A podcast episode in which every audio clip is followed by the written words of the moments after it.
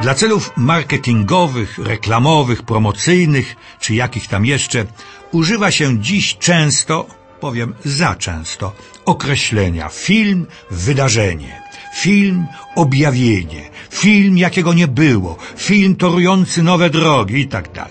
I to wszystko w odniesieniu do utworów filmowych, które proponują jedynie nowy, szokujący temat, nad wyraz śmiałą scenę czy nowy chwyt komputerowy. Ale historia kina, dokładniej historia sztuki filmowej, zna dzieła, które rzeczywiście były autentycznymi wydarzeniami, objawieniami, którymi nie tylko krytycy, ale i widzowie, i to na całym świecie się zachwycali. Co mówię? które miliony ludzi w najgłębszy sposób przeżywało, które ich poruszały i skłaniały do innego niż dotychczasowe spojrzenia na samych siebie i na innych. Jednym z takich dzieł sztuki był i jest film Lecą żurawie z 1957 roku. Zrealizował go Michaił Kałatozow, a tak naprawdę Kałatoziszwili, bo był Gruzinem, urodzonym w 1903 roku w Tbilisi. Zanim został wybitnym reżyserem, był chłopcem na posyłki, kinomechanikiem oraz operatorem i montażystą.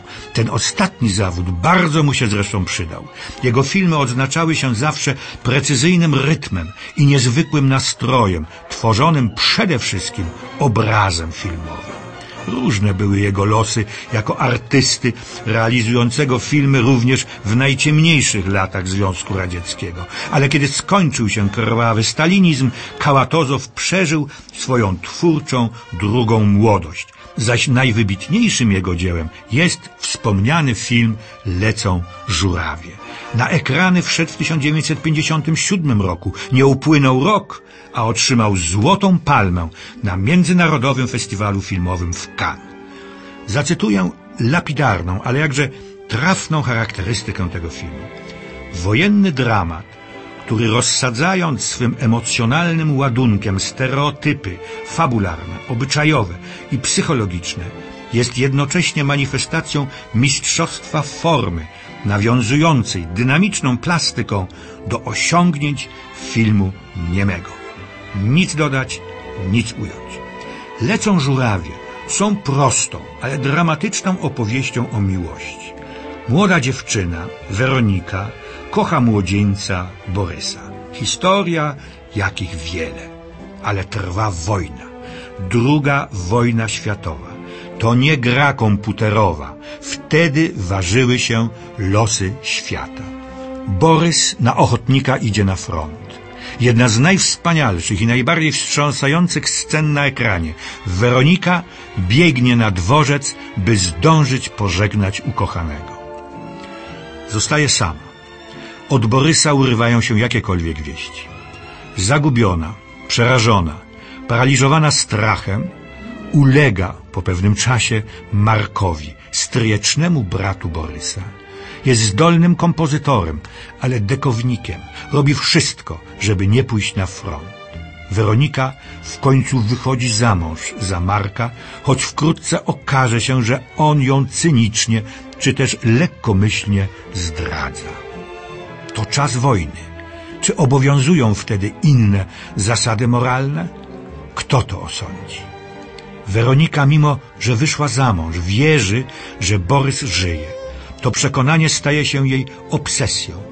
Pracuje jako sanitariuszka w szpitalu, razem z ojcem Borysa, który jest lekarzem. I w pewnym momencie słyszy, jak on w odpowiedzi na rozpacz ciężko rannego żołnierza, który dowiedział się, że żona go zdradziła, mówi Odeszła znaczy nie była ciebie warta.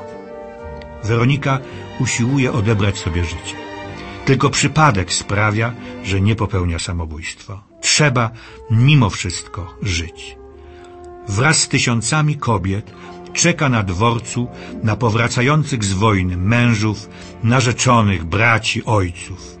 Z kwiatami ciągle ma nadzieję. Ale Borys nie wróci, bo zginął od zabłąkanej kuli. Weronika z uśmiechem po raz pierwszy wręczy przyniesione kwiaty żołnierzowi, na którego nikt nie czeka. Lecą żurawie są filmem mistrzowsko zrealizowanym. Zdjęcia Siergieja Urusiewskiego, jak to się mówi, zapierają dech w piersiach. Także dziś. Ale nie byłoby tego filmu, gdyby nie odtwórczyni głównej roli Weroniki. A tą odtwórczynią była Tatiana Samojłowa, córka znanego aktora teatralnego. Miała solidne przygotowanie teatralne, także baletowe. Z innych jej ról wymienię tytułową w adaptacji Anny Kareniny.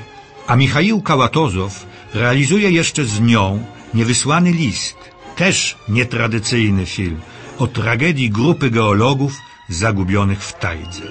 Ostatnim jego filmem był w 1970 roku Czerwony Namiot, koprodukcja radziecko-włoska o nieudanej wyprawie polarnej generała Nobiliego.